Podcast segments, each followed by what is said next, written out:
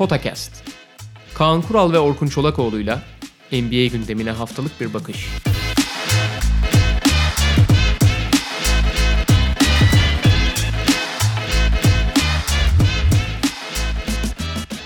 Merhaba Potakest'e hoş geldiniz. Yeni yılın ilk Potakest'ini soru cevapa ayırdık. Zaten Twitter'dan duyuruyu yapmıştık. Sizlerden de epey soru geldi sağ olun. Ve o soruları mümkün olduğunca hepsini değilse de büyük bir kısmını yanıtlamaya çalışacağız. Bazı sorular birbiriyle üst üste e, geliyor, çakışıyor olabilir. Onları eleyeceğiz bu yolda.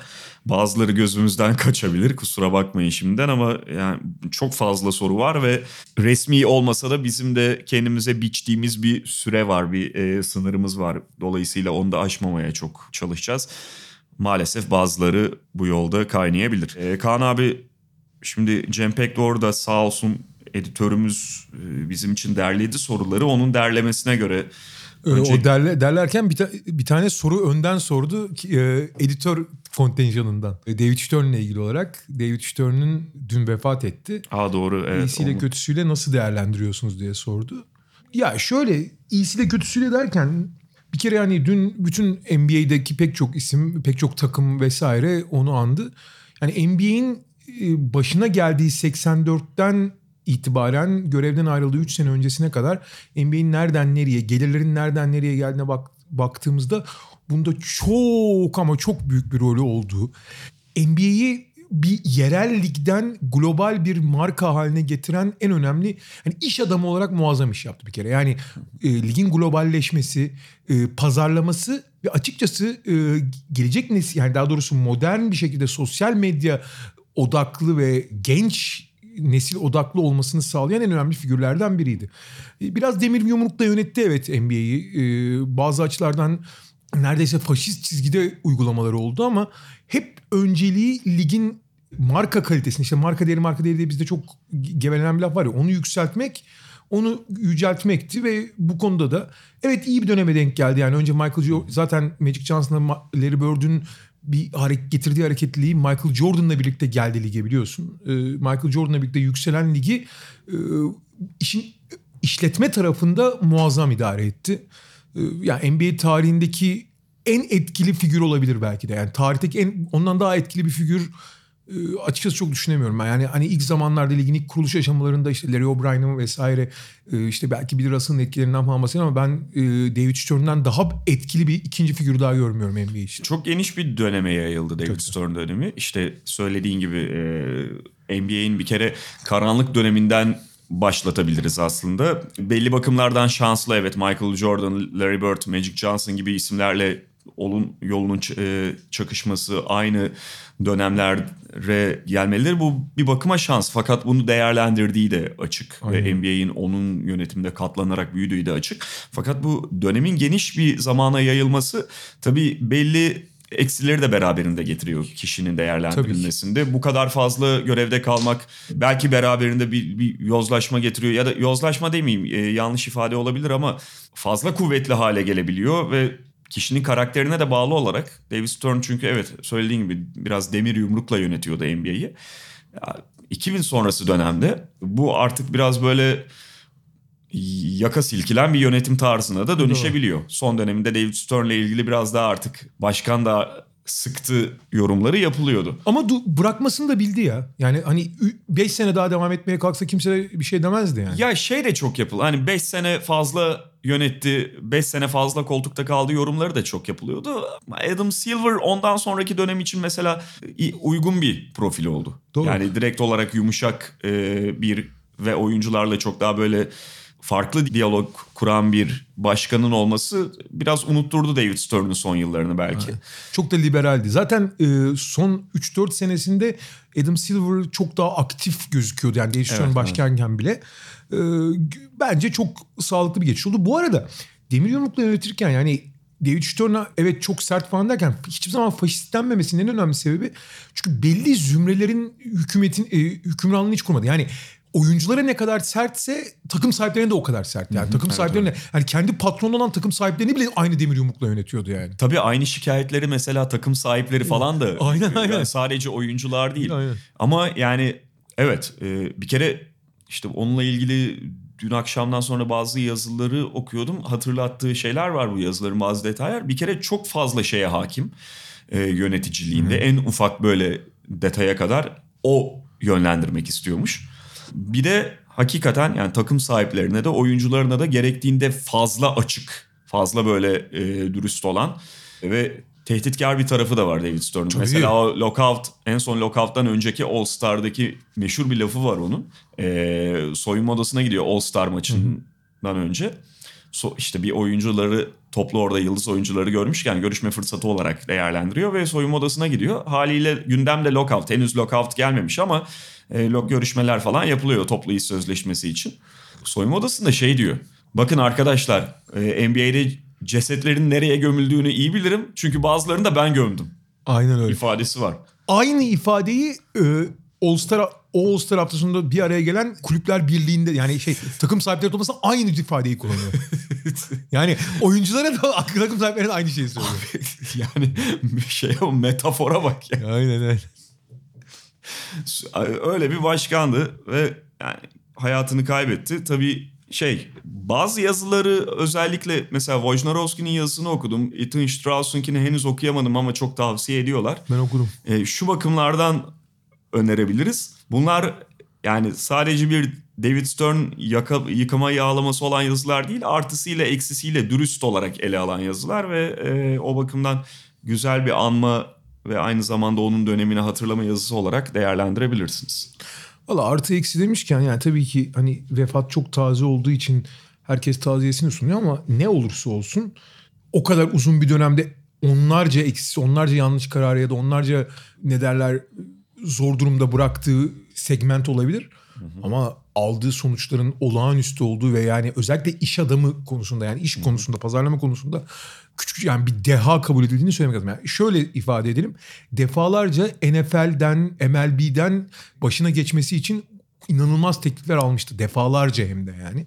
Hatta NFL bir kere NBA'in verdiğin 3,5 katı falan bir maaş teklif etmiştik. Onu da kabul etmemişti mesela. Peki gelen sorulara şimdi takipçilerden gelen sorulara geçelim. Ee, şu soruyla başlayalım istersen Kaan abi. Bayağı da güzel bir soru bana göre. Üçlük denemelerinin bu kadar artış gösterdiği 10 yılda gelecekte bu artışın daha da artacağını varsayarsak e, bunun izlenebilirliği, izlenirliği azaltacağını düşünüyor musunuz? NBA veya koçlar hangi önlemleri alabilir? Çünkü iş tamamen robotlaşmaya doğru gidiyor bence. E, şey, sorudaki kaygının belli bir bölümüne katılıyorum. Yani robotlaşmadan ziyade ezbere oynanan bir oyun bazı takımlar için söz konusu. Şimdi her dönemde iyi bir model olabilir. Bazı takımlar da bunu taklit edebilir ama biraz böyle düşünmeden elindeki personeli değerlendirmeden e, ezbere oyun oynayan takımlar da var. Üçlük dediğin şeyi atmaya çalışırken daha fazla kullanmaya çalışırken şut seçimin değer, şut seçiminden tamamen uzaklaşan şut seçimi denen şeyi hiç göz önünde tutmayan takımlar da var. E, fakat bu sürekli katlanarak artacak mı ondan emin değilim. Yani belli bir sınıra dayanmış olabiliriz. Çünkü bunun getirdiği verimsizliği de takımlar değerlendirecektir. Dolayısıyla hani sorunun ikinci kısmındaki kaygıya orada bir set çekiliyor olabilir. Soruyu Cavit H, e, Cavit Hüseyin sormuş onu da söyleyelim. Valla e, büyük oranda sana katılıyorum. Ben sadece robotlaşma olarak düşünmemek lazım bunu. Yani en basit örneği mesela Euroleague'de NBA'den daha fazla üçlük atılıyor. Yani toplam atılan şutların üç, yani üç sayıların iki sayıları oranı daha fazla Euroleague. Yani bunun bir denge noktası var. Yani bir yerde bir optimum denge noktası olacak. Ee, daha artacağı kesin ama ben mesela %50'yi geçeceğini hiç düşünmüyorum. %45'lerde falan kalacağını düşünüyorum. Yani hani her 10 işte her 11 şut, e, şutun 5'i 6'sı ikilik 5'i üçlük gibi olabilir. Ki yani bunu en ekstrem yapan Houston bile %50'yi bulmuyor yani bakarsak. Ee, Avrupa'da da Himki galiba en fazla yapan. O da %50'ler civarında atıyorlar. Şöyle bir şey var. Senin söylediğin konu çok önemli. Ee, şimdi set dediğin şey senin yani hücum sistemi dediğin şey temelde topu en verimli şekilde potaya atmak üzerine kurulu. Bu yıllarca pota altından potanın dibinden yap. Çünkü potanın dibine attığın zaman %99 atıyorsun yani hele boşsan yani turnikeyi. Yıllar yılı böyle gelişti. Fakat şimdi özellikle pota altı savunmacıları pota altı kuvvetlendiği için şey net bir şekilde ortaya çıktı. Yani dünyanın en iyi pot altı bitiricileri bile Shaquille O'Neal'lar ne bileyim Montrezl Harrell'lar bile ya da Rudy Gobert'ler bile boş smaçları bile %75'te mancı atabiliyorlar. Hani öyle pota dibinden kaçırdığın zaman aa hay Allah kaçtı diyorsun. Aslında o kaçıyor yani. Hani belli bir oranı var onun. Ve görüldü ki e, sahanın nerelerinden daha verimli ol- şut atılacağı tamamen istatistik modellerle belirlendi. Hücumların asıl amacı da buralardan atmak değil, buralardan doğru şutu atmak. Yani mesela Shaquille O'Neal'a da arkası dönükken e, abi bu hücum çok iyi deyip orada top verdiğinde abuk subuk bir şey at demiyorlardı. Abi dön işte şu, e, potaya yüzünü çevir dengeli bir şekilde at diye öğretiyorlar. Burada da senin söylediğin konu çok önemli. Evet takımlar bunun çok daha verimli olduğunu gördü. Bir kere her şeyden önce 3 sayı tehdidini kullanmak demek sahayı açmak anlamına geliyor. Mesela en büyük yanılgılardan biridir. Golden State işte bu 3 sayı devriminin hani e, poster takımı, bayrak takımı olarak gösterir. Abi Golden State özellikle son iki senede ligin en çok üçlük atan takımlarından biri değildi. Ortalarda. Ortalardaydı. Fakat 3 sayı tehdidini tehdidiyle başka avantajlar yakalıyorlardı. Başka Stephen Curry'nin tehdidi olmak üzere. Bir kere 3 sayı tehdidiyle daha savunmayı daha geniş bir alanı savunmak zorunda bırakıyorsun. Savunma da nicelikten güç alan bir yapı olduğu için onun gücünü azaltıyorsun her şeyden önce. Ha aman abi üçlük atmamız lazım diye üçlük atarak olmaz bu iş. Ama üçlük tehdidini daha doğrusu sistem içinde nereden ve hangi oyuncuların atabileceğini iyi tespit edip onları doğru yerde topla buluşturmak önemli. Bu da işte doğru oynamak. Yani sonuç e, esas e, fikir değil yanlış olan. Uygulama.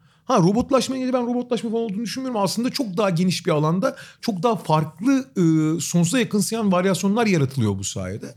Ama tabii çok daha fazla yani oyunun bir alanının çok daha öne çıkması biraz tek düzeleştiriyor ona katılıyorum. E, Sercan Şeref yakın zamanda maç sayısının düşürülmeyeceği açıkken Bill Simmons'ın sunduğu galibiyet derecesini etkileyecek sezon içi turnuva fikri için ne düşünüyorsunuz? Ee, normal sezonun rekabet düzeyini artırabilir mi? Ya ben Bill Simmons'ın önerisini tam olarak e, bütün detaylarıyla bilmiyorum da ben genel olarak o sezon içi turnuva fikrini NBA ile bağdaştıramıyorum. Yani burada Ben ben maç sayısının azaltılması gerektiğini daha önce de konuştuk. Bize göre en azından fazla maç belki daha fazla gişe geliri anlamına geliyor ama izlenme sayısında ne kadar etkisi olduğunu şu anda çok daha yoğun tahlil etmeye çalışıyor NBA. Çünkü bir düşüş var ve bazı maçların anlamını yitirmesi, e, bazı maçlarda direkt olarak oyuncuların dinlendirilmesi falan oyunculara şey e, takımlara da yansıması oluyor, ratinglere yansıması oluyor. Se- seyircinin algısı düşüyor abi maç. Evet. Abi oyuncu önemsemiyor. Ben niye önemseyeyim diyor Bunun yani. bunun onarımı bence sezon içi turnuvayla falan olmayacak. Hatta çok kötü bir fikir olduğunu düşünüyorum ben sezon. Simmons'ın teklifi şu puan sistemine geçelim diyor. Yani galibiyetler puan getirsin. Yani aslında Avrupa gibi. Yani bir galibiyet iki puan getirsin mesela. Turnuvayı kazanan da 10 puan alsın. Yani öyle bir e, yaklaşım var. Fena fikir değil en azından onunla entegre etmek için. Ama ben her tür suni ekstra heyecan yaratacak fikirlerin tamamen alışkanlığı bozacağını ve atıyorum bundan 5 sene sonra başka ya onun da artık o etkisinin geçeceğini tekrar bir şey daha bulmak zorunda kalacak. Ha bu tip küçük numaralarla, küçük şeylerle e, asıl hani bu şey gibi abi. Sen palto satıyorsun tamam mı? İşte paltona olan ilgi azaldı. işte hava ısındı vesaire bilmem ne falan filan. Küçük küçük işte yanında bir tane kalem vermeye falan. Abi ondan sonra başka ufak tefek şeylerle insanları cezbetmeye ka- kalkışmak çok e, şey basit numaralar bunlar ve çok kısa vadeli. Üstüne üstlük senin sattığın ürünün e, e, zaman içinde de- değerini erozyona uğratır. Ben hiç iyi bir fikir olduğunu düşünmüyorum şahsen. Ya buna Bu arada eğer yani bir sadece turnuva Bill Simmons'ın fikri iyi. Yani öyle bir turnuva yapıp ödül vermektense onun sezonu etkileyecek olması Evet, evet, evet. iyi ama e, toplam ben turnuva fikrine karşı. benzer konuda sorular var. Burak Adıgüzel NBA takvimini erkene çekerek back to back sayısını azaltmaya çalışmıştı. Bunu biraz daha uzatarak e, yük yönetimi uygulamasında azalmayı sağlayamazlar mı diyor. Ve yine hani maç sayısıyla ilgili şöyle bir şey var. Lanetimi kokla bebek. maç sayısını çok fazla azaltamayan NBA yönetimi için ligin süresini uzatmak ve böylece maçlar arasındaki zaman aralıklarını artırmak hem load management yapan oyuncular için hem de artan tempoyu kompanse etmek için iyi bir çözüm olabilir mi? Evet yani paralel şeyler ama hep aynı yere geliyoruz. 82 maçı daha uzun süreye yaymak yerine 82 maçı azaltmak en iyisi gibi gözüküyor. İşte azaltmanın hani başta ekonomik zorlukları yani hem takım sahipleri hem oyuncular karşı çıkacağı için zor diyor. Haklılar. Ama bu da bir yöntem değil yani. Bu şey gibi yani hastasın şey yapıyorsun söyle adını e, sıcak çay içiyorsun. Bir hani bir ufak bir ferahlama getirir ama hiçbir şekilde bir işe yaramaz yani. Ya bir de mesela Bir de- 9 aya falan uzatılan NBA Amerika'da o kadar takip edilmez. Aynen öyle. Bir de Amerika'da bir sportif gelenek var. Dönemsel çalışıyorlar ve Evet. uzun süre sporu izlemeyip onu özletmek çok iyi bir yöntem bence. Amerikalılar da buna çok alışkın. Mesela Amerikan futbolu, Amerika'nın en popüler sporu abi 4,5 ayda bitiyor. Onlar bile uzatmıyorlar abi. Ve uzatmazsın yani. Uzatmak diğer her şeyden daha kötü bir alternatif. Yiğit Uğur Üzümcü 2019 yazındaki bu çılgın oyuncu değişimi sizce NBA tarihinde bir anomali olarak mı yer alacak yoksa yeni norm mu olacak? Buna şu anda yanıt vermek çok kolay değil ama kısa kontratların ve yani oyuncular arasında oluşan trendlerin trafiği arttırdığı bundan sonra da çok kesilmemesine e, olanak sağlayacağı ortada. En başta kısa kontratlar. Aynen öyle. Bir kere NBA'de bir zamanlar 6 ya da 7 yıl kontrat yapılıyordu. Sonra önce 5-6'ya en sonunda 4-5'e düştü. Üstüne üstlük artık oyuncular genelde 3 artı 1 veya 4 artı 1 kontratlar yapılıyor. Bu yüzden hani her yıl oyuncuların dörtte biri arasında serbest kalıyor teknik olarak. Ki te- e, serbest kalmayan oyuncuların bile serbest kalanlarla ortak hareket ettiğini de görüyoruz. Bu bir anomali olmayacak bence. Büyük oranda norm olacak diyemem. Ama çok daha büyük trafik olacak kesin. Ama önüm iki sene sonra işte Antetokounmpo serbest kalırken her işte e, Durant, Murant vesaire ya da yeni gelen oyuncular işte çaylak kontratı biten işte Doncic'ler falan belli bir şekilde Doncic'in yanına gitmek isteyen oyuncular falan olursa bir anda buna benzer bir yaz daha görüyoruz. Ama e, açıkçası 2019 yazı e, gelmiş geçmiş en psikopat oyuncu değişimi trafiğinin yaşandığı e, dönem oldu herhalde. Batuhan İldaş sormuş. NBA'de Norm demişken şey de söyleyeyim. Bu arada 2020 yazıda dünyanın en sakin yazı olacak yani. Hiç çünkü Evet. doğru hiç e, üst düzey hiçbir oyuncu serbest bir tane kalmıyor. kontrat yok. Aynen. Batuhan İldaş, NBA'de bundan sonraki değişim tam saha baskı, zone press olabilir mi? Harden, Curry gibi oyuncuların attığı sayıları tam saha baskıyla azaltabilirler mi? Şimdi şöyle, tam saha baskıyı NBA'de uygulamak, uzun süre uygulamak kolay gözükmüyor. Yani belli başarılı örneklerini görüyoruz işte Toronto Dallas maçı çok ö- taze de Ee, o ancak rakibi böyle yakaladığında kısa bir dönemde maç içerisinde bir periyotta falan sana sonuç getirebilecek bir şey. NBA at- atletizmiyle falan çok zor tam sağ baskı yap. Ve artık e, en detay oyuncular bile o kadar donanımlı ki presi kırdığın anda çok kolay sayı yersin. Yalnız şey olabilir. Birebir baskı olabilir. Yani Onu diyecektim. Heh. Şey orada bence mesela NBA yeni rekabet avantajını bulabilir belli takımlar. Evet. Yani birebir baskı belli oyuncular mesela Harden'a tam sahada baskı, Curry'e tam sahada baskı. Özellikle toplu oynayan oyuncular için gerekli bu. Mesela LeBron'a falan yapmak zor onu ama o bile olabilir. Çünkü yani hiç istediğin sonucu tam olarak alamasan bile çok iyi diri oyuncularını sürekli değiştirerek baskı yaptırdığın zaman oyuncuyu yıpratma avantajını elde edersin. Ben onun çok yakın gelecekte çok daha fazla kullanacağını düşünüyorum ya. Ee, Rakibin topla oynayan oyuncusunu ya da en önemli silahını tam sahada baskıyla yıpratmak. Aynı fikirdeyim. Şimdi e, bunu NBA'de niye koçlar yapmıyor? Akıl edemediklerinden mi? Tabii ki değil. Bu NBA'in işte kadro normlarıyla ve e, profilleriyle alakalı bir durum. Genelde ilk beşler belli olduğu için e, dakikası belli, oyuncuların belli e, sabitlenmiş olduğu için o oyuncuları çok yormak istememeye dayalı bir düşünceyle gelişiyor. Ama e, daha fazla böyle beşleri kendi arasında çalkalayarak falan artık koçlar bunu Rick Carlisle falan çok yapıyor. Brad Stevens yapıyor. Bir iki oyuncuyu da bu baskıyla görevlendirebilirler. Mesela hep deriz işte özellikle şampiyonluğa ulaşan takımların iyi yaptıkları şeyler diğerlerine örnek oluşturuyor. Şampiyonluğa ulaşır mı bilmiyorum ama mesela Lakers'ta bu sene Brad, Avery Bradley ile falan bu çok yapılıyor. ben de ilerleyen yıllarda bunun hani öne çıkarılacağını düşünüyorum. Ben de. Cem Y sormuş. Son finaller MVP'lerine baktığımızda hep pozisyonu 3 numara olan olarak tanımlanan, e, kısa forvet olarak tanımlanan, topla oynayabilen kanat oyuncularını görüyoruz. LeBron, Kevin Durant, Kawhi Leonard gibi. Sizce bu bir tesadüf mü yoksa bu tip çok yönlü, e, yönlü kanat oyuncuları NBA'in yeni döneminde de dominasyonlarını sürdürecek mi diyor. Valla ben bir süredir söylüyorum. NBA'in yeni yıldız pozisyonu e, topla oynayabilen kanat. Bu tesadüf değil tamamen dizayn meselesi. Şöyle bir şey. artık e, NBA'de za- savunmalar falan çok eleştiriliyor ama tam tersine artık NBA'de savunmalar o kadar üst düzey ve o kadar sofistike ki playoff gibi ortamlara gelip rakip hazırlığını yaptığın zaman rakibin yapmaya çalıştığı her şeyi elinden alıyorsun.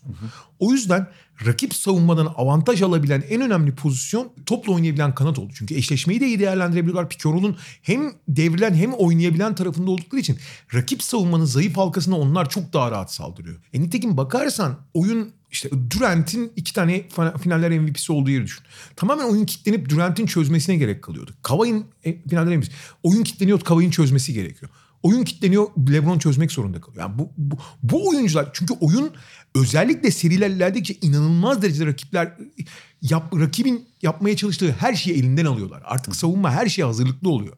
Ve ancak bu kanat oyuncuları çözüm üretebiliyorlar. Artık uzunların hiç çözüm üretme ihtimali kalmadı. Kısaların da daha doğrusu guardların da kısmi olarak var. Onların fizik olarak yetmiyor çünkü. Tamam oyuncusun geçebiliyor ama penetre 1-2 falan. Bu oyuncular hem fizik olarak temaslı oynayabildikleri için hem de çözüm üretebildikleri için bu kadar ön plandalar. Ee, en azından bayağı bir süre daha bunun devam edeceğini düşünüyorum ben. Daha kısa geçebileceğimiz bir soru belki. Post LeBron döneminde Yanis ve Doncic'e rakip olabilecek oyuncular kimler olur? Wiseman ve LaMelo Ball için düşünceleriniz neler? Ya Wiseman ve LaMelo'yu değerlendirmek gerekirse ben çok oyunlarını izlemediğim için LaMelo'nun sadece bundan önce tarif edilen oyuncudan çok daha olgunlaştığını biliyorum. ben de. Ee, okuduklarım hakkında biraz da izlediklerim onlar. Ee, ama Avustralya sonuçta çok yani yaramış ona. Ama sonuçta en son bir sakatlığı falan da oldu. Uzaklarda bir yerde oynuyor. Yanis ve Doncic'e rakip olabilecek oyuncular kimler olur? Yani tam olarak onların yaşı üzerinden mi gitmek gerekiyor bu soruya yanıt verirken bilmiyorum. Çünkü Abi Anthony şu- Davis, Kawhi Leonard gibi oyuncular onların bir jenerasyon üstü gibi Anthony değerlendirebiliriz. Davis hatta onlara daha yakın. Anthony Davis daha 25. E Carl Anthony Towns da öyle. Evet. Onlar önümüzdeki yani Carl Anthony Towns ile Anthony Davis de normal şartlarda daha 10 sene daha etkili olacaklar mesela. Doğru aslında Davis ile Yanis arasında bir yaş falan var ya da ayları galiba. değerlendirirsen bir buçuk. Biri 93'lü diğeri 94'lü mü ne? Do- Yanis 94'ün sonu. Ee, dolayısıyla çok uzak değiller. Artı e, belli çıkış yani sonuçta gelişim lineer olmadığı için hala çok ciddi çıkış yapabilecek bir sürü oyuncu var. Darren Fox var mesela. E, var yeni gelecek bir sürü e, yeni çaylak var. Bu seneki çaylaklar. O yüzden işte Trey Young mesela daha da iyiye gidebilir. O yüzden bunu öngörmek çok kolaydı. Ama mesela Anthony Davis ve Carl Anthony Towns'u bence Yanis ve Doncic jenerasyonundan uzak. Daha doğrusu Doncic biraz onlardan aşağıda aslında. Yanis Davis ve Carl Anthony Towns'u aynı jenerasyon gibi görmek lazım. Yani. Yine Yanis ve Doncic sorusu. Yanis 2.5 üst MVP, Doncic 10.5 üst All-Star olur mu sizce? Bence ikisi de evet net. Uh. Ya tabii ki sakatlık şeylerini falan bile Doncic bir sakatlanır belki oynayamam onu bilemiyorum ama ben her şey normal gittiği takdirde diyorum. İkisi de üst. MVP için bir şey söylemek daha zor. Ama benim, benim de tahminim üst olurdu. Doki TR. Sizce 2000'li yıllarda basketbolun değişiminde video oyunlarının ve fantezi liglerinin etkisi ne kadardır? Ha, çok etkisi olduğunu Yüzde bir falan. düşünmüyorum. Ee, şeyin daha çok etkisi var. Big data denen veri analizinin dünyadaki bütün endüstrilere katkısında olduğu gibi eğlence endüstrisine spora da büyük katkısı oldu. Veri analiziyle daha çok alakalı bu. Yoksa fantaziliklerin ve bilgisayar oyunlarının hiçbir etkisi yok. E, eskiden de vardı abi fantazilikleri. Yani o 2000'lerin başında da fantazilikleri çok popülerdi, çok oynanıyordu. Bilgisayar oyunları da öyleydi. Sosyal medyanın daha fazla etkisi oluyor olabilir mesela. Evet evet sosyal medyanın daha etkisi olabilir. Avrupa'da yıldız oyuncu sayısı çok az ama iyi görev adamları var. Neden NBA takımları bu oyuncuları değerlendirmekten çekiniyor? Çekinmek mi bu bilmiyorum ama NBA'yi dışına bir kere çıktığınızda radarın dışında kalmıyorsunuz. Onları izliyorlar ama e, dönüş biraz zor olabiliyor evet. Yani tam olarak çünkü tartması zor oluyor belki NBA takımları için. Bu arada- Amerika'dakiler için. Bu arada e, ben buna hiç katılmıyorum. Bütün görev yapabilecek yani NBA'de verimli olabilecek bütün göre- şeyleri görev adamlarını alıyorlar zaten. Royce O'Neal'ı falan bile aldılar yani. Sadece şöyle bir şey var. Avrupa'da yıldız oyuncu evet çok az ki zaten belli bir yıldızların hepsi NBA'ye gidiyor. Fakat diğer oyuncuların NBA'de forma giymesi çok zor. Yani NBA'deki e, sürat ve kuvvetin ne kadar Avrupa'dan fazla farklı olduğunu an- iyi anlamak lazım. Orada barınabilmek çok zor bazı oyuncular için. Ama olan olabilecek olan hepsi hepsi değil tabii. Bazıları gözden kaçırıyor ama %90'ını zaten alıyorlar. Belli bir şu kadarcık verim verebileceğine inandıkları her oyuncuyu alıyorlar yani zaten. Ya hani bazıları dışarıda kalıyor olabilir. Onlar da işte şey yani eskiye göre evet daha fazla gidiyorlar zaten. Geri çekiliyorlar da diyelim. Ama şey konusunda haklısın. Bir kere NBA'in gözünden düştüğü zaman bu adam NBA'de yapamadı damgasını yiyorsa onu tekrar kabul etmeleri biraz daha güç olabiliyor. Marco Selamlar benimki biraz fantezi bir soru olacak. Basketbolda da futboldaki gibi avantaj kuralı olsaydı oyun nasıl değişirdi sevgiler. Çok değişeceğini düşünmüyorum ya. İş çok fazla oraya kalmıyor yani. Hani Evet. Zaten çalınıyor hani düdük. Aynen. Çok bir şey değiştirmez. Evet.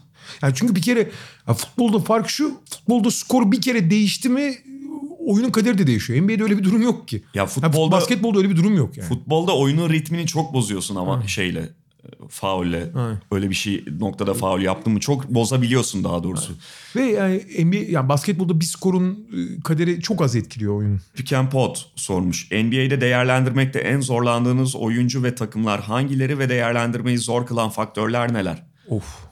Yani genelde hani istikrarsız takımlar tabii biraz daha zorlaşıyor. Mesela Philadelphia çok şu anda moda cevabımız. Ya şey var. Bir de bazı oyuncular var abi. Hani klasik şöyle Ahmet e, şey pardon Erman Toroğlu tabiri et mi balık mı anlayan. abi temasla oynamayan oyuncuları değerlendirmek çok zor oluyor abi. Mesela D'Angelo Russell tamam mı? D'Angelo Russell kaçıncı yani NBA'de hiyerarşide kaçıncı sırada gelir? All Star mıdır? Değil midir? İyi bir oyuncu mudur? Ben açıkçası abi temassız oynayan ve e, daha yumuşak maçlarda çok iyi gözüken oyunculara çok şüpheyle bakıyorum. Genelde haklı çıkıyorum ama bazen de abi çok e, ekstrem örnekleri oluyor ve çok ekstrem işler de yapabiliyorlar. Onları değerlendirmek çok zor. Temastan kaçarak oynayan ve yani zerafet üzerinden oynayan oyuncuları değerlendirmek çok zor. Göze çok hoş gelebiliyorlar. İyi günlerinde de müthiş oluyorlar. Ama başka bir ortamda bu şey ben hep aynı örneği veriyorum. Su derinleştiği zaman, boyu geçtiği zaman ne yapacaklarını kestirmek çok güç oluyor o tip oyuncuların. Bunun gibi bir sürü oyuncu var. Artı mesela daha küçük rolde küçük dakikalarda iyi iş yapıp daha büyük dakikalarda iyi iş yapamayacağına inandığın bazı oyuncular oluyor.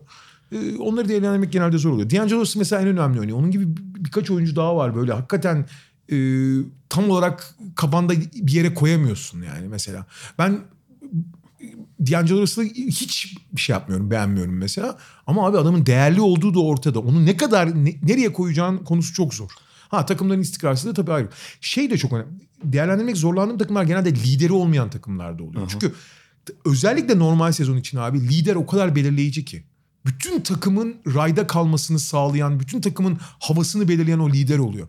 Doğru düzgün lideri olmayan ya da o liderliği her zaman yapmak istemeyen oyunculara sahip takımları hakikaten değerlendiremiyorsun. Bir gün çok iyi gözükebiliyorlar, bir gün çok saçma sapan olabiliyorlar. Oyuncu için değil ama takım konusunda bu sezon özelinde ben şeyi de söyleyebilirim. Değerlendirmeyi zorlaştıran. Ya bu sene işte geçmiş podcastlerde de bahsettiğimiz gibi orta sınıfta bir acayip gerileme yaşandı Aynen. ve fikstür çok karıştı. Şu bakımdan çok karıştı. Bazı takımlara bakıyorsun.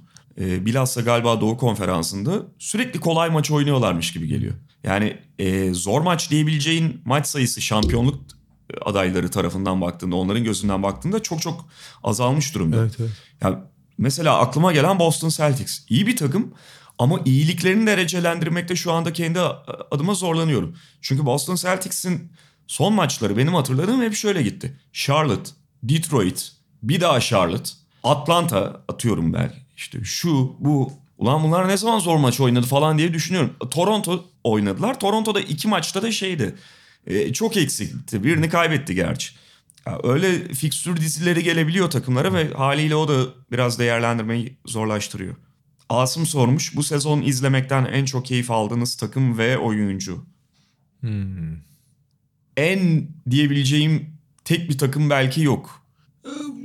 Demek zor ama Miami çok keyifli oynuyor ya. Hakikaten yani gerçekten keyifli oynuyor. Oyuncu olarak da ya ben yıllardır bu benim için Westbrook'tu. Yani onun iyisi de kötüsü de apayrı bir eğlenceydi. Ap- Apayrı bir e, heyecandı. Bu sene şey ya ben açıkçası LeBron'un kariyerinde geldiği nokta beni bu sene çok şey yapıyor. Yani belki de çok fazla Lakers maçı izledim o yüzden olabilir ama LeBron diyeceğim çünkü LeBron başka bir oyuncuya dönüştü bu sene geçtiğimiz yıllara oranla. Yani Jason Kidd gibi oynuyor bu sene iyiden iyi. Yani her zaman tabii takım lideriydi ama bu sezon çok Jason Kidd gibi oynuyor. E, yani zevk mi dersin bilmiyorum ama onun takımı nasıl idare ettiğini görmek bana çok çok keyifli. Ben LeBron diyebilirim ya ona. Ben de en e, diye tek bir takımı öne çıkaramayabilirim ama Indiana Pacers'tan çok keyif alıyorum. Çünkü bu NBA normal sezonunun zaman zaman işte şikayet ettiğimiz salınan falan ortamında Indiana en fazla maça elinden geleni yapma gayretiyle çıkan takımlardan biri. Ve sadece gayretle oynamıyorlar. Bayağı da eli yüzü düzgün top oynuyor Indiana Pacers. Şey de çok hoşuma gidiyor. Bu biraz önce bahsettiğimiz ezber dahilinde bir ezberin peşinde oynayan bazı takımlar var ya. Mesela Minnesota ilk aklıma gelen oluyor hep.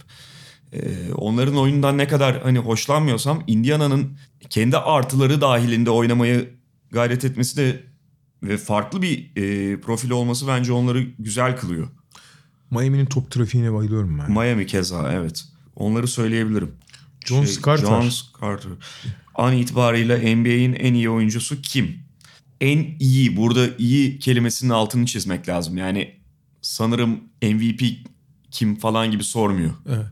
Ve o Ya- zaman benim yanıtım Kawhi Leonard olur. Benim de benim de. Yani şey en iyi deyince ben hep şey söylüyorum. Ben maçın hep ibresi diye bir şey söylüyorum. Yani ortada bir ibre var. O ibreyi en çok etkilen oyuncu. Şu anda Kawhi Leonard abi.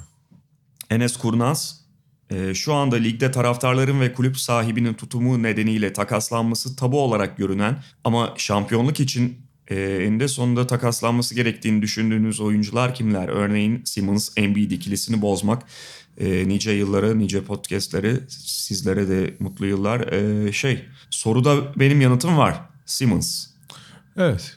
Ya şöyle e, tabii ki Simmons ama abi Embiid de öyle bir şey karakter ki hani Simmons Em- Embiid Simmons'dan kurtulunca her şey çok güzel olacak da diyemiyorsun. Embiid'de de yani en azından Simmons'ın teknik şeyleri olmasa da zihinsel olarak çok ciddi eksikler var ama yani benim de cevabım Embiid olur ona.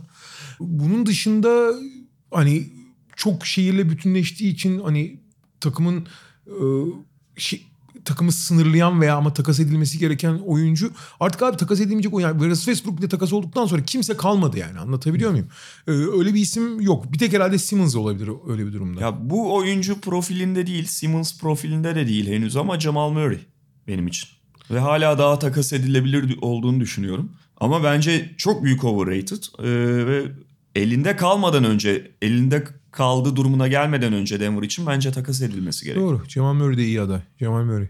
Orçun Kavaklıpınar takımının başarısızlığı sebebiyle performansına yazık oluyor diye düşündüğünüz bir oyuncu var mı? Çok oluyor. Çok var ya. Bir düşünelim.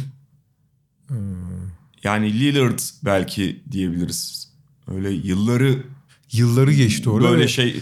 Ya Zeynep- her yılı da Lillard'ın işte ya çok Ama yazık şikayet- oldu diyebileceğin yıllar değildi ama. Hiç şikayet etmedi ama ya. Zerre şikayet etmedi yani. yani bir gün bile e, bu durumdan şikayetçi olup şey yapmadı. Ha şey Bradley Beal. Bradley Beal kesin. Yani o çok daha Ama o da kendi kaşında abi. Gene kontratı uzattı yani.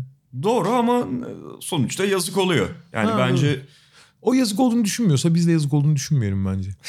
Bradley Beal ıı, var. Başka düşüneyim bakayım.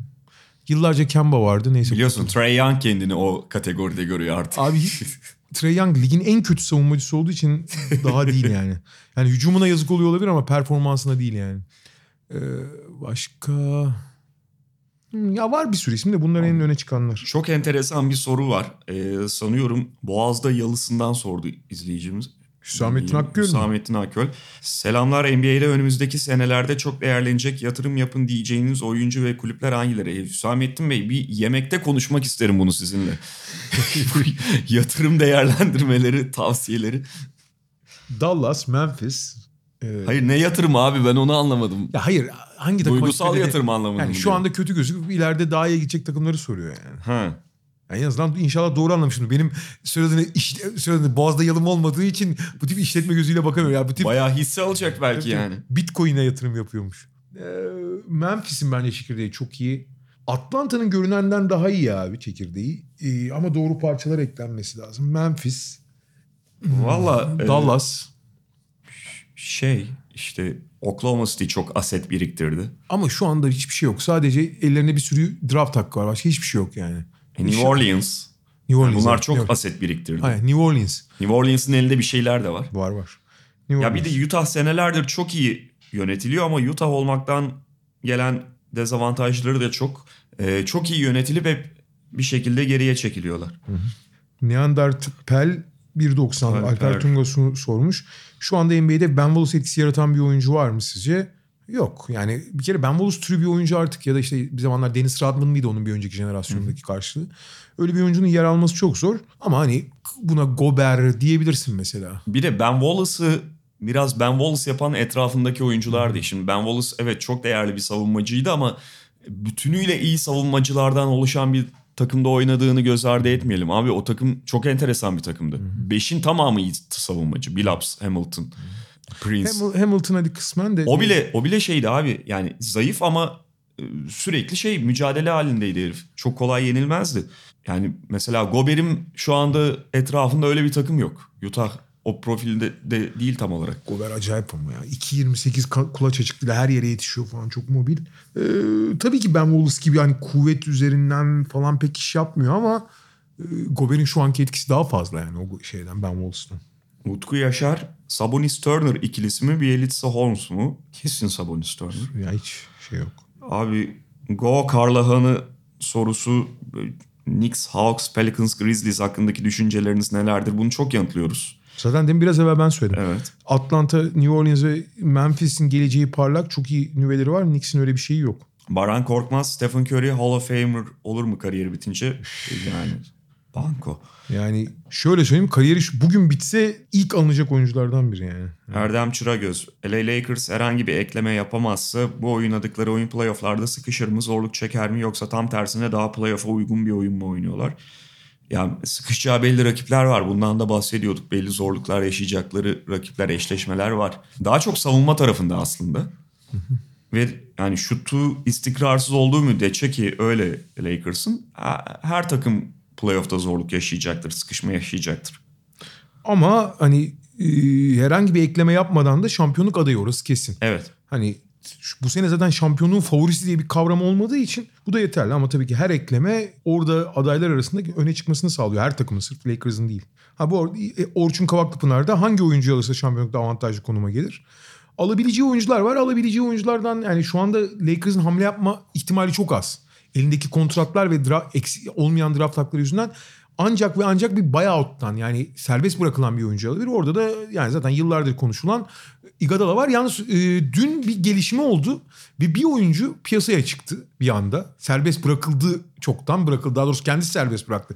Darren Collins'in basketbola dönmeye karar verdiğini açıkladı. Ya ve e, Los Angeles'ta biliyorsun yani şey Los Angeles Clippers veya Lakers diye düşünüyor. iki çift lafım olacak ona. Kardeşim sen ne yapıyorsun ya? Yani bak basketbolu bırakması tuhaftı ama saygı duyarız. Yani kişinin inancıdır. Onun peşine gidiyor olabilir. 6 ayda ne oldu baba? Abi zor gelmiş. Ne oldu baba? ya metroda falan insanları ikna etmeye çalışırken Evet. zor gelmiş benim anladığım kadarıyla. Yahova şahitliği kolay iş meslek değil. Yani ha yani Darren Collins'ın şeyse bıraktığı yerden dönebiliyorsa şimdi bir süre basketboldan uzak kalmış bir oyuncunun haliyle sahada görmeden forma hakkında son durumu hakkında yorum yapamıyoruz ama Lakers'ın çoğu ihtiyacına da karşılık verir. Aynen öyle. Bir kere Rondo'dan kurtarır Lakers. Sadece o bile büyük avantajdır. Evet. yani. Ya bazı Lakers sorularını atlıyorum çünkü paralel şeyler oluyor ama mesela Kaan 95 şey sormuş.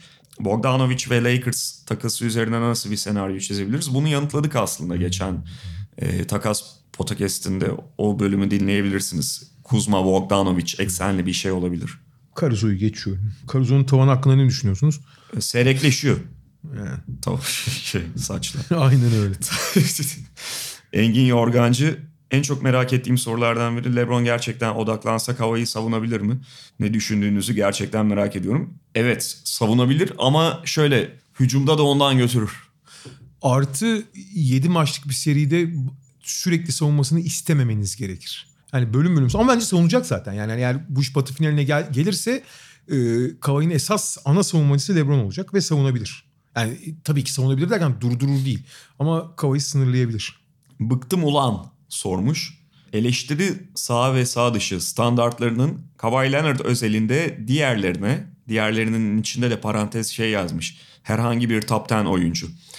Diğerlerine nazaran bu kadar farklı olmasının nedeni nedir? İyi güzel artılar sunuluyor, iyi topçudur da hem saha içi hem saha dışı birçok eksi olay gram konuşulmuyor. E, gram konuşulmuyor mu emin değilim ya. Gram konuşulmadığı konusunda çok katılamayacağım. Birçok şey konuşuldu. Ha belki daha fazla eleştirilmesi gerektiğini düşünüyor işte San Antonio'dan ayrılık süreci gibi. Artı Toronto'dan ayrılırken yaptığı power play yani benzerlerini LeBron falan filan yaptığı zaman çok daha fazla yani işte e, şeye mi oynuyorsun sen yani e, NBA dizayn etmeye çalışmaya oynamakla suçlanırken Kawhi o konuda mesela çok daha hafif eleştiriliyor yani. Ama sonuçta. bugünün NBA dünyasında birçok şey böyle zaten e, biraz konuşulduktan sonra özellikle saha içi başarıyla üzeri çok örtülebiliyor. Yani Anthony Davis örneğini verelim. Abi Anthony Davis de New Orleans'ı bayağı zor durumda bıraktı falan. Hem de ne kadar zor. Yani ne oldu şimdi? Yani şu anda konuşulan şey Anthony Davis de bak abi çocuk orada senelerce süründü şimdi. Aa bak iyi takıma geldi nasıl oldu falan diye konuşuluyor. şey var. Esas Kavay ile ilgili olarak şöyle bir şey var abi. Kavay'ın e, yani load e, işte söylediğini sırf yükleme yapmamak için oynamaması ve bunu normalleştirmesi bence lige en büyük zarar. Yani son yıllarda verilmiş en büyük zararlardan biri o. Hani bunu normalleştirdiğin zaman bir diğer oyunculara da bu sirayet ediyor. Esas seyircilerin ulan oyuncular umursamıyor sezonu. Biz niye umursamayalım? Playoff, playoff'a kadar bekleriz. Hiç ne izleyeceğiz bunu de- haline getirdi. Bence lige verdiği en büyük zarar bu. Ama tabii ki Kavay'ın gerçekten sakat olduğunu da unutmamak lazım. Yani hani o, o sağlıklı kalabilmek adına yapıyor bunu. Esas Kavay'ın eleştirilmediği ve bana çok tuhaf gelen bir şey var. Abi Kavay işte o hani dışarıya gösterdiği karakteriyle hani o robot haliyle hiç konuşmama hali biliyorsun hiç em- hani süper yıldızlar arasında belki de ortalamanın yüzde onu falan kadar konuşuyor. Hiç kimseye doğru düzgün demeyeceğim. Geçenlerde mesela şey oldu abi. Ee, Noel'le ilgili konuşuyorlar. İşte Noel'de ne yapıyorsun falan diyorlar. Bütün oyunculara sorulan bir şey. Çünkü abi selebriti olmanın bir gereği bu tamam mı? Yani sen sadece basketbolcu değilsin. O da bu seni ilgilen, bu sizi kimseyi ilgilendirmez diyor tamam. Şimdi bu, bunda bir sakınca yok. Yani böyle daha e, içine dönük, daha e, kişisel şeylerini paylaşmayan bir oyuncu olabilirsin. Ama abi Kaba hiçbir şey paylaşmıyor. Ya. Kendisiyle ilgili hiçbir şey göstermiyor. Ben oyunumu oynarım bu da yeterli olur diyor. Abi teknik olarak haklısın ama tam olarak haklı değilsin abi. Sonuçta özellikle bu seviyede bir oyuncuysan, bu seviyede para alıyorsan, bu seviyede ilgi görüyorsan abi biraz da e, bazı şeyleri daha fazla paylaşman gerekiyor. Topu paylaşman gerektiği gibi insanların insanlar seni izlemesi için verdiğin sebepleri de biraz daha paylaşman gerekiyor. Bu konuda mesela atıyorum basınla arası iyi olmayan veya işte ters cevaplar veren oyuncular falan ya da ne bileyim e, daha şey karakterler böyle daha sıcak olmayan karakterler eleştirirken Kavay abi o adam öyle zaten. Hani robot gibi algılanıp biraz ona e, şey geçiliyor iltimas geçiliyor onu da hak ediyor yani. Sonuçta sahada her çıktığında oynamadığı maçlar dışında ama oynadığı her maçta kendini verdiği için falan geçiliyor ama Kavay'ın hafif de olsa e, ne derler kamuoyunun gözünde diğer oyunculardan biraz daha e, ne der e, iltimaslı olduğu kesin ya bence. Yine bir Kawhi Leonard sorusu var Süleyman Gök. Eğer Clippers da bu yılda şampiyon olursa şanlı tarihlerine rağmen başarısız olan kulübü şaha kaldırmak için gidebilir mi? Mesela New York Knicks'e. Tabii iki yıl sonra diyor. Abi işte adamı tahmin etmek zor.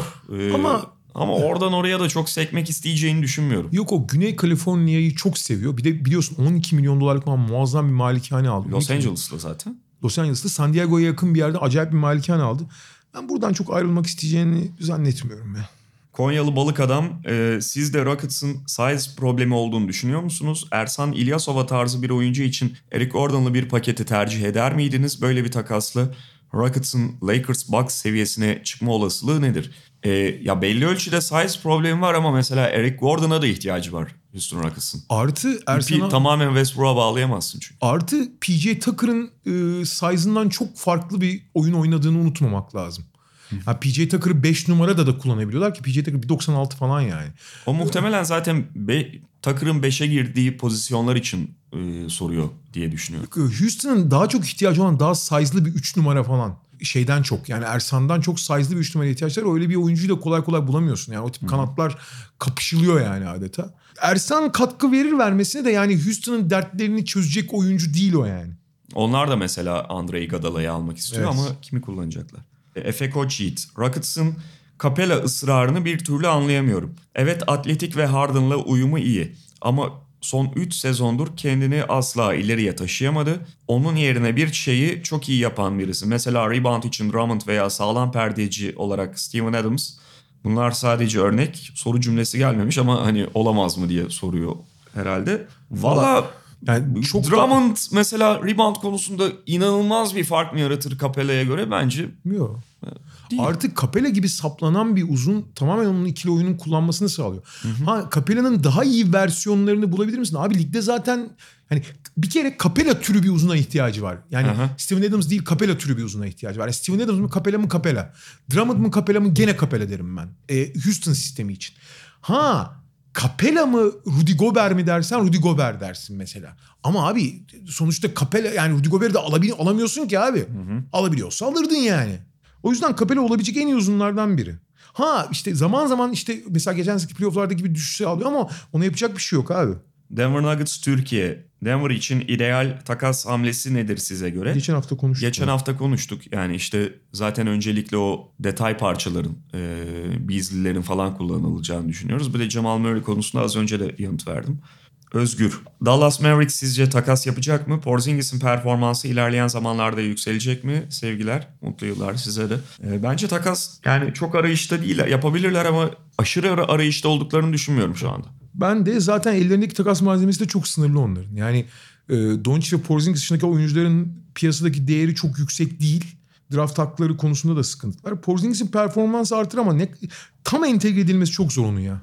Hani e, bir kere Doncic ile Porzingis arasındaki ben ilişkinin de çok, çok sağlıklı olduğunu düşünmüyorum her şeyden önce. E, takas yapmaları da çok zor. Bu arada Denver'la ilgili şeyi söyledik. Denver için ideal senaryo abi Ce- Jamal Murray, Malik Beasley ve şeyi verip Bradley Beal almak. Evet. Ya da Gary Harris falan yani bilmiyorum. Jamal Bugüne kadar Jamal Murray'i oraya koymuyorlardı. Direkt koyuyor. Ama mesela Gary Harris, Malik Beasley artı Juanco Hernan Gomez'e karşı Bradley Beal falan olabilir. Harris'e gerek yok abi ya. Harris kalsın. Ama guard yani... Bir- ver Beasley'i ver ya. İyi de Beal'ı alamazsın o zaman. Ha kontrat şey mi diyorsun? Hem öyle hem şey vermez. Washington vermez. Washington verir abi. Barış Atsür. Sizce Dallas cap space'inde büyük boşluk oluşacak 2021'i beklemeli mi? Doncic ve Porzingis'in yanına üçüncü bir oyuncu eklemek için yoksa daha önceden bir kanat savunmacısı için veya Powell yerine daha iyi bir uzun için hamle yapmalı mı? Valla tamamen şey ya bu. Yani Fırsata bağlı değil mi? fırsata bağlı. Yani hiç yani fırsat varsa hemen yapsın. Yoksa beklesin. Yani e, hiç şey yok. Yani fırsata bağlı. Şu anda bir fırsat olmadığı için de bir şey yapamaz zaten. Yine Dallas soruları var. Burak Kaçmaz ve Rıdvan Durmaz ama çok benzer sorular bunlar. Biraz atlıyorum her Evet, soruyu atla şey yapmak için. Ne Dallaslı varmış ya. Donovan Mitchell'ın tavanı sizce nedir? Arda Hmm. Yurtçu. Süperstar potansiyeli var mı? Conley takasıyla olacağını umuyorduk ama olmayacak gibi gözüküyor. Utah'ın artık gerçekçi bir şampiyonluk adayı olabilmesi için ne yapması gerekiyor? Valla Utah yapabileceği her şeyi yaptı bence. Utah'ın şöyle bir sorunu var. Utah'ın asla ve asla bir yıldız almasına imkan yok. Yani bunu çok konuştuk. Salt Lake City NBA oyuncularının gitmek en gitmek istemediği şehir. Çünkü oradaki Mormon nüfusundan, e, demografik yapıdan dolayı. Yapabileceği her şeyi yaptı abi şu anda. Doğru seçimleri yaptı, doğru draft haklarını yaptı, doğru oyuncu kurgusunu yaptı. Mike Conley bence çok güzel bir hamleydi kağıt üzerinde. Ama Conley geldiğinden beri yaşı itibariyle, uyumu itibariyle facia oynuyor. Ama şimdi bu sakatlık belki de e, tekrar Joe Ingles'in kendisini bulmasını sağladı. Belki de her şeyi biraz daha rayına koyacaktır. Döndüğü zaman daha iyi olabilirler. Donovan Mitchell'ın tavanı derken ben süperstar olabileceğini düşünmüyorum. Yani süperstar olmak demek çünkü şöyle bir şey var abi. Süper, daha doğrusu süperstar tanımına bağlı. Ben elmas diye bir tabir kullanıyorum.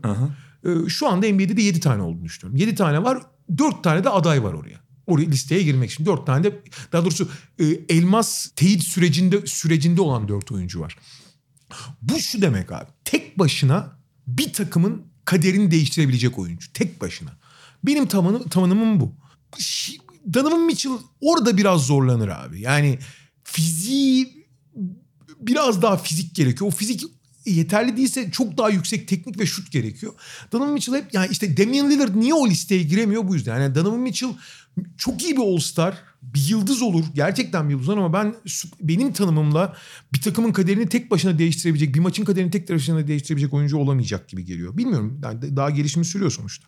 Evet yani şey bazı oyuncularda mesela fizikten falan gelen bir potansiyel görebiliyorsun atletik yetenek. Donovan Mitchell'da tam olarak yani atletizm vesaire var da e, NBA standartlarında kendisine avantaj getiren bir fiziği falan olmadığı için oyuncunun kendini ne kadar geliştirebileceğine bağlı.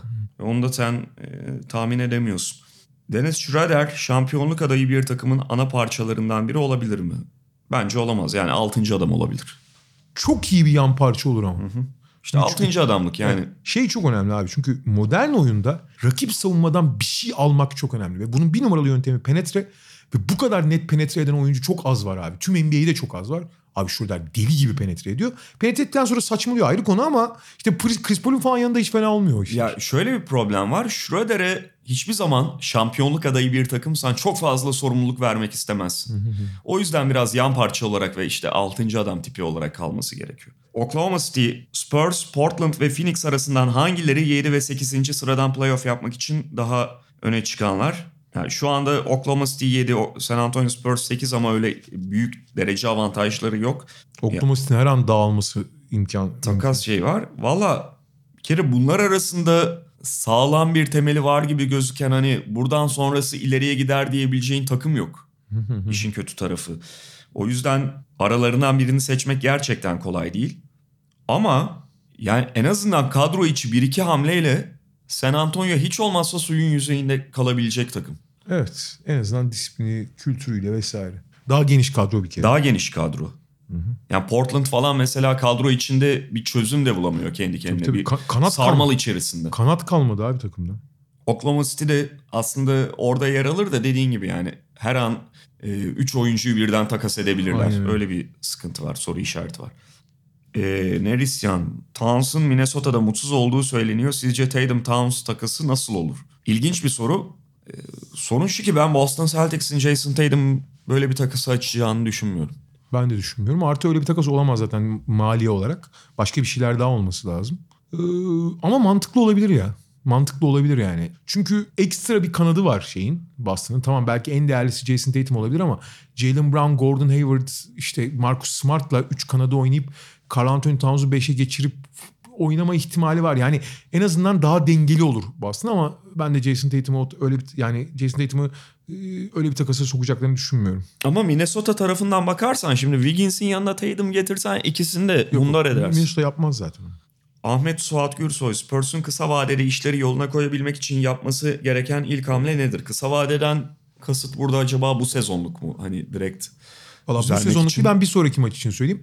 Trey Lyles'la Bryn Forbes'u ilk beşten çıkarıp onların yerine de, e, şey Derek White'la e, Rudiger'i ilk 5'e almak. ikinci beşte de Marco Bellinelli'nin dakikalarını azaltıp diğer oyuncuları vermek. Bu kadar basit. Biraz daha sonrasına bakılıyorsa bir şekilde Lamarcus Aldridge'le yolları ayırmak. Hatta DeMar DeRozan'la ama onları konuşmaya başladığınızda işin içine kontratlar da giriyor tabii ki. Ha şey olabilir bak. Yani onu da bu saatten sonra yapacaklarından değil de Lamarcus Aldridge ile DeMar DeRozan'a üçlük attırsınlar.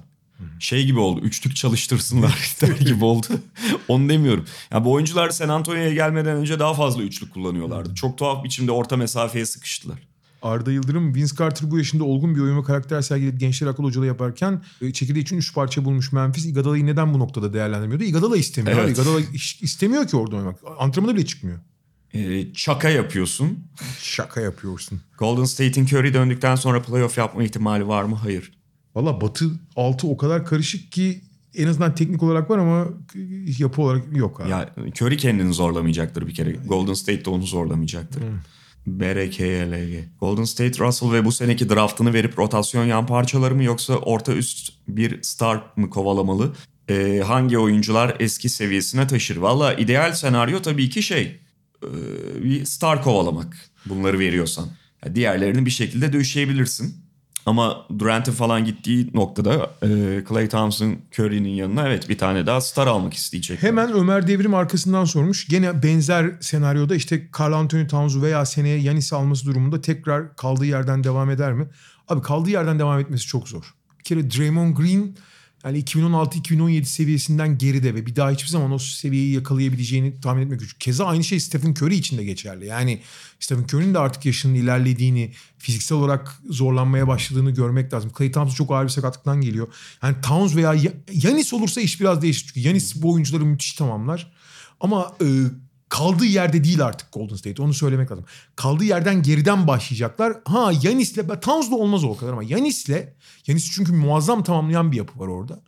Ee, Yanis'le tekrar çok iddialı olabilirler eğer olursa ama ben hiç öyle bir şey olacağını düşünmüyorum. Ya ben Towns'un da çok e, farklı bir oyuncuya dönüşebileceğini düşünüyorum e, Golden State'te ama Carl Anthony Towns'u almak da o kadar kolay değil. Değil değil. Yani bugün Minnesota kötü, Towns orada mutsuz diye Towns'u böyle sanki iki draft attım mı ya şöyle Alınabi, alabilir Town, misin? Towns'u alabilmek için minimum standart Anthony Davis için ne verdiyseniz onu ya da Russell Westbrook için Russell Westbrook için verdiklerinizin fazlasını Anthony Davis için verdiklerinizin verdikleriniz kadar vermeniz gerekiyor yani. Clay ve Stephen Curry'nin sağlığına kavuştuğu bir Golden State, Ben Simmons'ı alıp 4 numara oynatsa sizce verimli bir yapı oluşur mu? Hmm. Ama Ben Simmons'ı nasıl alacak? Herhalde bu da Russell falan sorulusu. Evet. Ee, Valla şöyle bir şey var abi. Draymond Green'in de kalacağını sorudan da anlıyorum. Öyle bir senaryoyu konuştuğumuz. E tabii, Draymond Green uzatsa- artı Ben Simmons fazla olur. Ya artı zaten Ben Simmons'ı o role hani abi sen 4 numara oyna deyip 4 numara oynatacak bir dünya da yok öyle bir dünya yani. Hani bir günde olmuyor işler. Zor. Ee, iyi yani fikir olarak iyi gözüküyor ama uygulamada çok çok zor. Hemen arkasından Golden State Pool'u takaslanabilir mi? Takaslanabilir ama karşılığında söylediğine toksik bir kontrat falan alman gerekir. Yani Pool şu anda NBA'de belli bir dakikadan en kötü oyuncu olabilir. Frederick bir soru sormuş ama anlayamadım ben bu soruyu. Sen anlayabildin mi? Draymond Green'in takımında Curry gibi bir çekim etkisi olmadan da ha şimdi anladım. Draymond Green yani öyle bir oyuncu yanında olmadan da olmadan da ligin en iyi 20 oyuncusundan biri mi diye sormuş. Bence değil. Değil. Draymond Green çok iyi bir üçüncü ya da dördüncü adam. Kings hakkında ne, Garam soruyor. Kings hakkında ne düşünüyorsunuz? Fox ve Bagley overrated mı? İyi bir yıldız için takaslamaları e, değerlilerken iyi olmaz mı? Takas. Valla bence Fox overrated değil. Kötü oynuyor bu sene ama overrated. Ma- Bagley ise overrated. abi. Evet. Ve Bagley Marvin Bagley'i ben de takaslarım. Ben de. Başta alt draft etmezdim yalnız. Marvin Aa tabii Bagley'i. ki. Abi arkasından bir kere arkasından Doncic, Trey Young falan gitti yani. Abi Doncic'e falan gelme. Yani evet Doncic gitti de Jaren Jackson varken Marvin Bagley'in alınması ölümcül günah bence. Aynen aynen. Kings açısından. Yani e, Bagley net overrated. Sadece iyi bir ikinci sıçraması var. Çok atlet falan ama o kadar yani. Ama Fox değil abi. Fox Fox gerçekten NBA'nin en süratli oyuncusu olabilir en süratli. Ama te- temposu oynadığı zaman da çok etkisi oluyor ve çok mutsuz oluyor adam bir de. Ee, Brandon Ingram All-Star seçilir mi? Olabilir mi? Olabilir de çok hesaplamadım açıkçası. Yani biraz önünde bir iki açık Bat- olması gerekiyor. Hem direkt giremez muhtemelen. Batı'da şey bir de front court yani forvetler pivotlar çok kalabalık. Ee, bakmak lazım. İyi bir aday ama oradaki kalabalıkta seçilmeme ihtimali var. Ee, Mr. Mr. Wayne şunu sormuş. Önümüzdeki 7-8 sezon veya fazlasında Doğu Konferansı'nda Bucks Sixers rekabeti olur mu? Celtics'te buna eklenebilir mi? Teorik olarak evet ama şöyle bir durum var. Az önce de bundan bahsediyorduk. Bugün NBA'inde 7-8 seneyi tahmin etmek bence e, sadece eğlence yani. Ha evet falan dersin ama sağlıklı bir tahmin yapamazsın bu konuda. Ya şu anki kadrolarının bir şekilde devam edeceğini falan varsayarsak evet yani görünen o çünkü hani önü şey gibi değiller hani döngülerinin sonunda değil döngülerinin başında olan takımlar bunlar. Ee, ama dediğimiz gibi yani yarın ne olacağı bile bilemiyoruz. Akif Sincanlı sorum Kaan abiye geçtiğimiz yıl Celtics'i 2020'lerin takımı olarak gördüğünü söylemişti. Lig dengelerinin değişmesiyle birlikte hala aynı şekilde mi düşünüyor? Bir kere ben Boston Celtics'i 2020'lerin takımı olarak hiç gördüğümü söylemiyorum. 2020'lerin prototip takımı dedim. Prototip demek en iyi veya örnek değil. Hani artık takımlar o şekilde kurgulanacak demek. Yani 3 tane toplu oynayabilen, birbirinin görevini yapabilen ve diğer görevleri olabilen kanat, bir tane e, tepede penetreci, penetre temelli bir oyuncu, bir tane de çember savunucu. Yani e, bu değişti bir kere. Penetreci değişti, Kyrie Irving değişti, çember savunucu değişti. Ama bu e, 2020'lerin takımı anlamına gelmiyor. Artık bütün takımlar zaten böyle kurgulanmaya çalışılıyor mümkün olduğunca. Yani bir tane çember savunucu, bir tane delici ve çok yönlü kanatlar yani bu, bu prototip dediğimiz yani Boston en uygun örnek olduğu için söylüyorum. Yoksa bu prototipe mesela şu anda daha iyi uygun bir takım var mı bakayım düşünmedim hiç. Ee, bu, bu model herkesin aldığı model bu yani sonuç itibariyle. Bakayım. Ya teknik olarak mesela onu yapmaya çalışmıştı Utah. Yani Mike Conley, Rudy Gobert, işte yanına Bogdanovic, e, Donovan Mitchell ve şeyler. Joe Ingles'i düşünüyorlar tabii onlar. Hani aslında herkes böyle kurgulanmaya çalışıyor. Baktığın zaman aslında şey de böyle, Clippers da böyle olmaya çalışıyor mümkün olduğunca. Ve aynı, ölçekte bir delici bulamayabiliyorsun. Aynı ölçekte bir çember savunucu bulamayabiliyorsun. Ama amaç üç tane çok yönlü kanat, delici, çember savunucu bulmak. Ee, uzun konusuyla ilgili çok soru var işte. Mesela Berkan Karamurtlu takas döneminde Celtics'in 5 numara alması durumunda Doğu şampiyonu olma şansı nedir? Bunları çok konuştuk aslında ama şey diyor Berkan, Miles Turner mı Steven Adams mı? Miles Turner da alamazsın Miles Turner'ı öyle bir sıkıntı var. Belli olmaz. Bu arada Miles Turner, Steven Adams biraz daha şeye uygun olabilir takımın yapısına. Miles Turner daha üst düzey oyuncu. Hayır, konu. Miles Turner'ı çekirdekten birini vermeden alamazsın abi. Jalen Brown'u falan mı verecek? Yok, veremez. Alamaz. Steven Adams'ı bir ihtimal alabilirsin. Onun için de kontrat veremiyorsun. Kontrat bulamıyorlar zaten. Deadman Memati Baş. Deadman Boston nasıl olur? Boston ihtiyaçlarına çözüm olabilir mi? Yani şöyle bir şey var. Deadman Daniel Tice'dan mesela çok farklı bir profil değil. Bir alternatif olur ona. Üçlükçü daha çok. Ama Tice de atıyor onu. Deadman daha çok atıyor. Sorun şu ki Deadman za- e, şu anda hiç oynamaya niyeti yok ki. Oynamaya niyeti olsa zaten Bagley'nin en iyi partneriydi. Bagley'i oynatabilmek için... O Deadman Sacramento'da kalmak istemiyor artık. Evet e, ve hiç oynamaya niyet yok. Böyle oynayacaksa oynamasın zaten.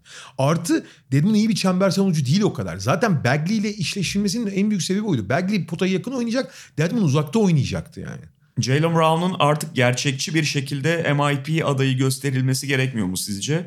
Adebayo ve Graham kadar dikkat çekmiyor belki ama oyun içi konsantrasyonu ve şut performansı geçmiş senelerin çok üstünde. Evet ama yani Jalen Brown için problem bir önceki seneden biraz e, devam ettirememiş olmasıydı aslında. Evet. Ve ama bu sene ya bir kere çok istikrarsız Jalen Brown. Bu sezon istikrar kazandı. Top şey çok acayip değişti abi. MIP için aday diyemem ama hani bir de adından da az da olsa bahsedilmesi gerekiyor. Çünkü top topla oynamasını çok geliştirdi abi. Topla üretmeye başladı Jalen Brown ki bu en önemli sıçrama belki de. Evet çok geliştirdi. Ee, MIP için aday olmasa da e, şey adından bahsettirmesi lazım kendisini geliştiren oyuncular arasında. Mustafa Kavran, e, yayınlarda Anthony Davis için en iyi tamamlayıcının LeBron James olduğunu söylemiştiniz. Aynı durumu Yanis Milwaukee ekseninde düşündüğünüzde en iyi tamamlayıcı sizce kim olurdu? Sen biraz önce biraz yanıtını verdin. Golden State'de çok iyi olur. Yani Stephen Curry aslında çok iyi otururdu yanına. Aynen öyle. Antetokounmpo'nun. Yani Curry, e, Golden State yapısı muazzam olur. Gerçekten harika olur yani. E, Hüseyin Sarıkaya playofflarda Yannis ve Bucks'ın yine çakılacağını düşünüyor musunuz? Ya, Çakılacağı derken yine çakılmayacak abi. Geçen sene çakılmadılar gözünüzü seveyim. Ya hani şey takılacağını demek istemiş olabilir belki hani yolun sonuna gidemeyeceğini. Şöyle illa öyle olur demiyorum ama olmaz da demiyorum. O açık var Milwaukee'de. Valla biz ben geçen sene söylüyorum. Bir kere Yanis'in de Milwaukee'nin de oynadığı oyunun playoff'ta etkinliğinin azalacağı belliydi. Buna rağmen bence eğer Budenholzer bu kadar inatçı olmasaydı geliyorlardı abi Batı finaline. Yani Toronto'yu eliyorlardı. Ee, evet etkinlikleri azalacak ama bu ne kadar ders çıkardıklarına göre, ne kadar daha oyunu basite indirgeyebildiklerine göre e, gene iddialı olacaklar. Sadece oyunları çakılmayacak. Sadece normal sezondaki kadar rahat oynayamayacaklar. Oyunları şey yapacak, daha sınırlanabilecek o kadar. Bu sene de aynı senaryo var yani. Batuhan Akar, Miami Heat'in potansiyeli hakkında ne düşünüyorsunuz? Kadro playoff'ta sıkıntı yaşar mı? Olası Chris Paul hamlesi takıma ne kazandırır? Ee, bence olası Chris Paul hamlesi artık olası değil. Bence de değil. Potansiyeli iyi bir playoff takımı ama playoff'ta evet bir noktada sıkıntı yaşayabilir. Takas yapmadığı bu kadroyla devam ettiği e, etmesi halinde. Valla ben playoff'ta çok zorlanacaklarını düşünüyorum bu kadroyla. Yani Miami'ye karşı hazırlık yapan bir takım. Miami çünkü çok fazla pas trafiği üzerinden oynuyor. Fakat burada çok az etkin oyuncuların çok iyi tarafları öne çıkarılıyor. Playoff'ta savunma iyi kurgulanmış bir savunma. O oyuncuların bu sefer iyi kötü yanlarını değil daha eksik yanlarını ortaya çıkarır.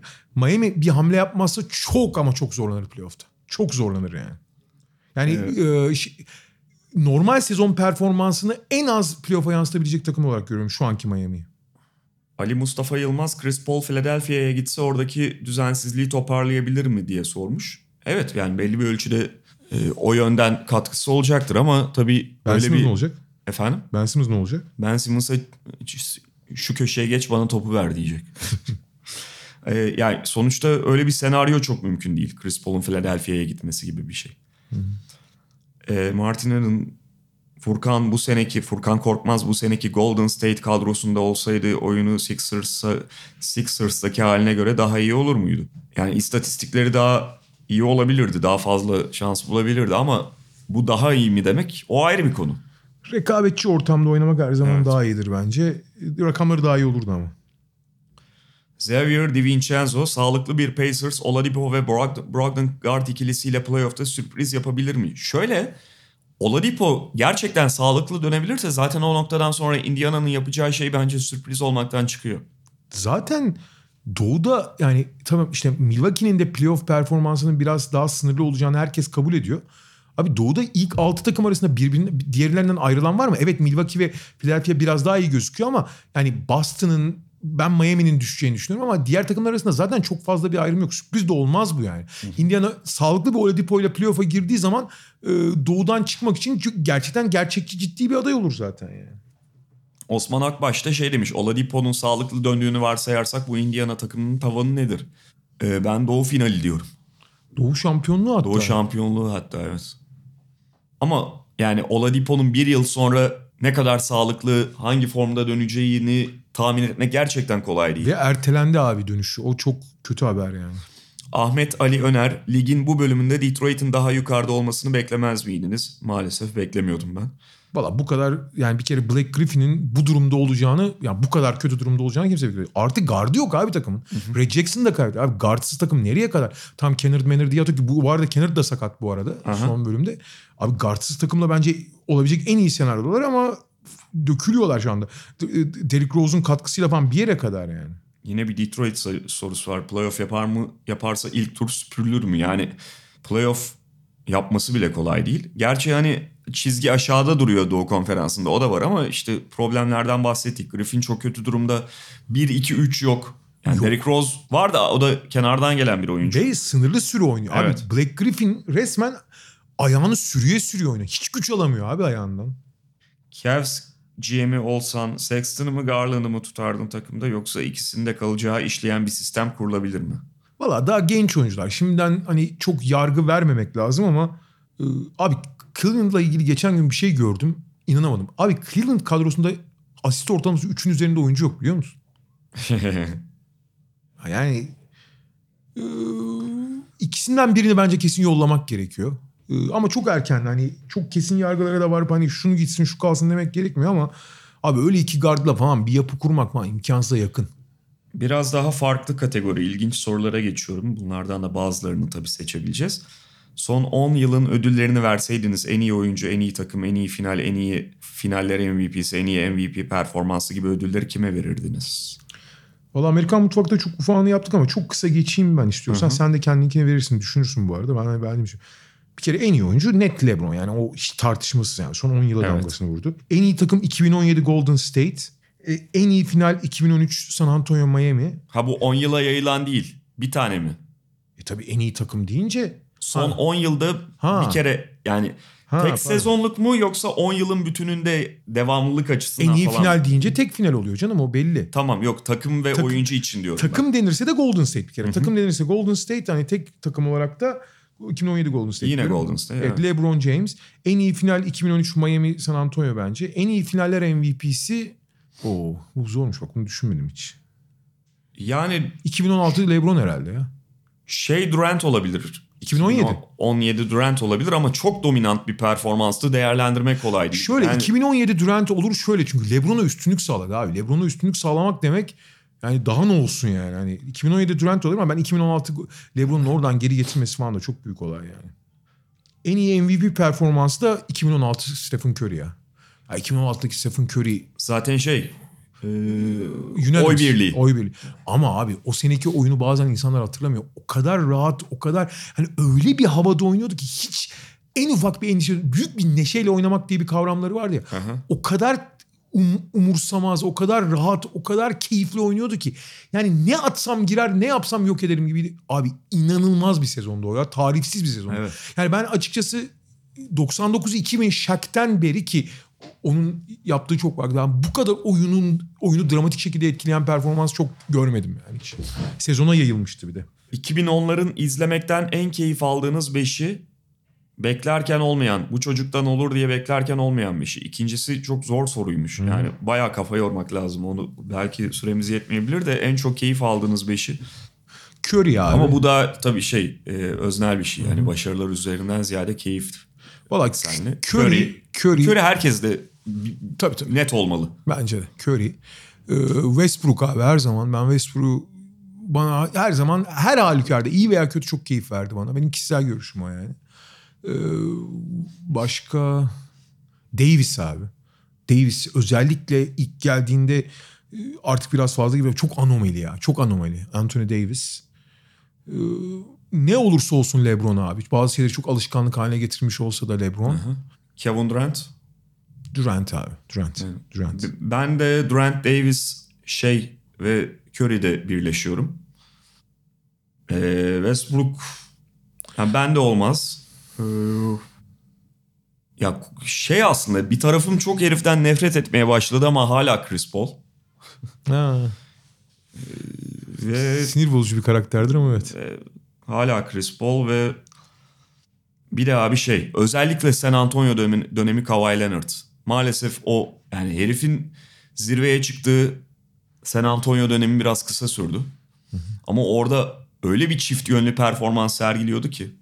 Bu çocuktan olur diye beklerken olmayan 5 çok uzun hikaye abi. Onu Evet. düşünmek lazım. Ama mesela Perry Jones vardı abi. Ben onu şey yapıyordum ya. Ee, yani hakikaten çok özel oyuncu olabilecekti ama şu anda Bursa Spor'da oynuyor.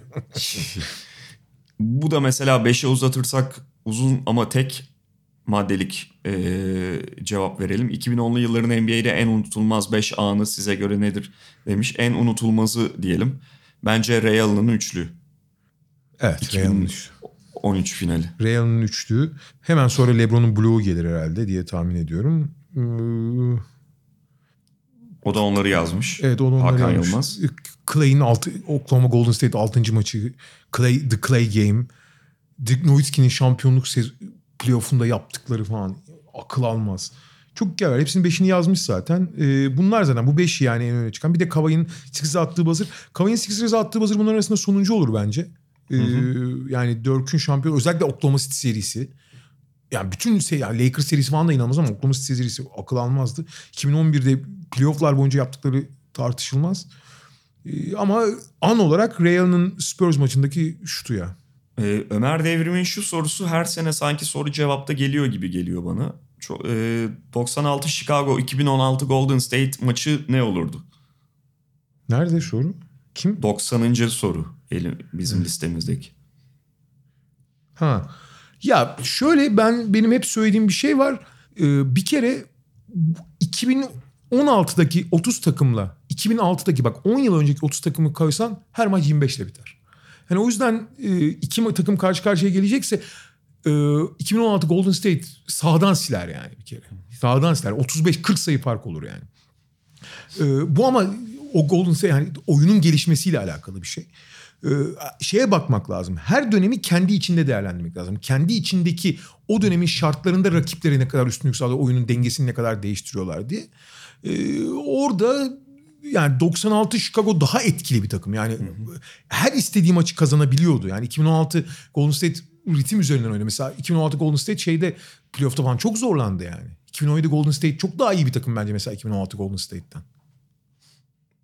Ee, bazı soruları atlıyorum bu en iyi onlar falan dediğimiz gibi e, çok süre yiyen sorular maalesef. Enes Güven LeBron 5 kez final kaybetti argümanı onu eleştirmek için mantıklı mı? Finale dahi gelemese daha mı iyi olurdu? Galiba 6 kez 7. maça çıkıp hiç kaybetmedi bu arada. Ya ben de hani final kaybetti eleştirisini çok mantıklı bulmuyorum açıkçası. Hani sanki böyle Ben- finale şey kurayla şey, kuradan çıkıyor musun sen bu sene final oynayacaksın deniliyor da orada ondan sonra kaybediyor gibi. Valla Doğu biraz daha kolay olduğu için söylüyorum ama bir kere ben hep şeyi söylüyorum. Finali kazanmak büyük bir olay. Onun ödülünü vermeli. Ama başarının çıtası bence özellikle süper yıldızlar için yani böyle tek başına takımın kaderini değiştiren oyuncular diyoruz ya Elmas. O oyuncu takımını gerçekçi bir şekilde iddialı konuma getirdim. Ben buna bakarım. Buna getirdiyse o ünvanın yani kendisinden beklentilerin altını doldurmuştur. Sonra şampiyona giderken bir sürü faktör, takım arkadaşları, rakibin durumu, şans bir sürü faktör devreye giriyor abi. Ve LeBron 2010'dan beri abi iki, işte en son 2010'da biliyorsun Boston 5. maçta tamamen patladı. Ondan beri bu- bunun altını çok fazla dolduruyor abi yeterince. Ya bir de final dediğin şey böyle ÖSS gibi falan üniversite sınavı gibi her sene hani e, giriyorsun benzer standartlı şeyleri çözüp kazanıyorsun ya da kaybediyorsun değil. Farklı takımlar söz konusu abi. Yani LeBron'un en büyük şanssızlığı NBA tarihinin belki NBA en iyi takımının karşısına çıkmış olması Golden State. Artık yani sırf LeBron yani LeBron tabii bu konuda en önemli örnek ama ben her zaman istiyorum. Oyuncu yapabileceği kendisinden beklentileri ölçüsünde yapmışsa yani takımı iddialı bir konuma getirmişse bu yeterlidir. Yani LeBron atıyorum 5 final daha kaybetsin. 5 final daha oynamış olacak aynı zamanda abi.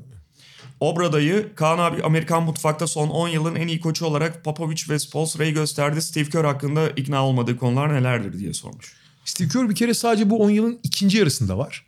Ve müthiş bir kadroyla çalıştığı için de evet başarılı ama e, hep aynı kadro, aynı yapı ve çok başarılı bir yapıda olduğu için ya onu, ona olan kredi daha az oluyor o yüzden. Yoksa kötü bir koç olduğundan değil.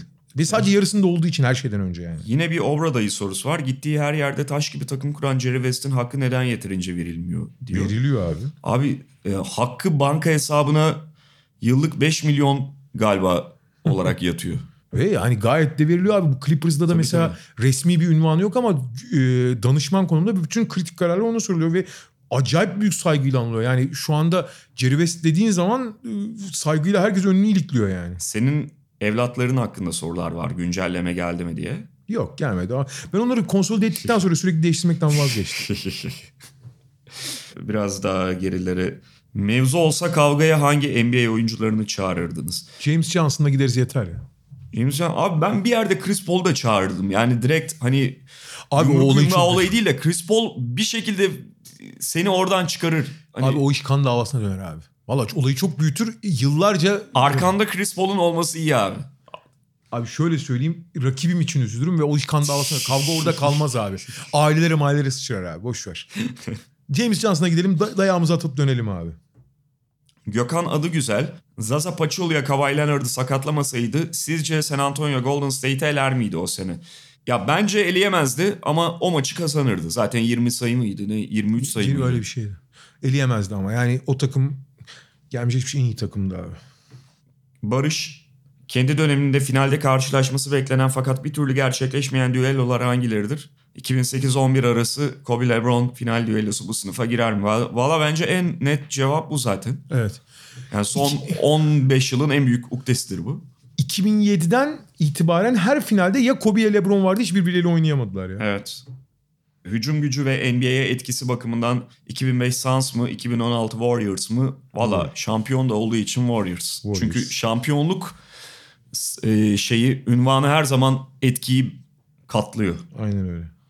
Soykut Özer NBA'in 29 takımdan 30 takıma çıkmasını, Bob Kelsey'nin nasıl tekrar Hornets olduğunu, Jordan Bishop olan etkisini anlatır mısınız? Ee, NBA zaman zaman genişlemeler yapıyor. Takım öyle geldi. Ee, tekrar Hornets oldu şu yüzden. Hornets zaten Charlotte şehrine çok özgü bir şey. Bu e, iç savaştan kaynaklanan orası Hornets Nest deniyor North Carolina bölgesine. Yani e, yaban arısı merkezi gibi. Çünkü iç savaşta çok önemli bir rol oynuyor. O Hornets çok orayla özdeşleşmiş bir şey ve e, şeyi bırakmak istiyordu zaten Hornets ünvanı. Bobcat sistem memnun değillerdi. E, Tekrar adını devrettiler. Jordan'ın bunda pek bir rolü olmadı. Ödül Bostan sormuş. Sizin League Pass'ten izlerken tercih ettiğiniz 5 favori spiker yorumcunuz hangisi? Ya- 5'e çıkarabilir miyiz bilmiyoruz ama yani Banko 1, Mike Breen, Walt Frazier. Açık ara yani en iyi yorumcu en iyi spiker açık ara yani. Ee, yani ikisi birden en iyisi yani. Bir, teke, teke, yani te- birer birer de en iyiler. Sonra ben şey e, yani Eagle şeyi çok seviyorum. Ee, Aa, Nets. Nets.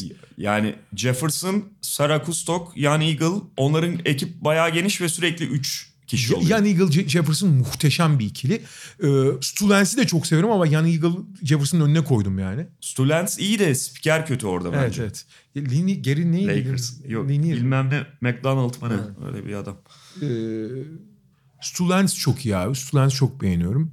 Ee, Miami ekibi güzel abi. Miami ekibini de seviyorum ben. Ee, üçüncü sıraya, dördüncü sıraya Miami ekibini koyarım.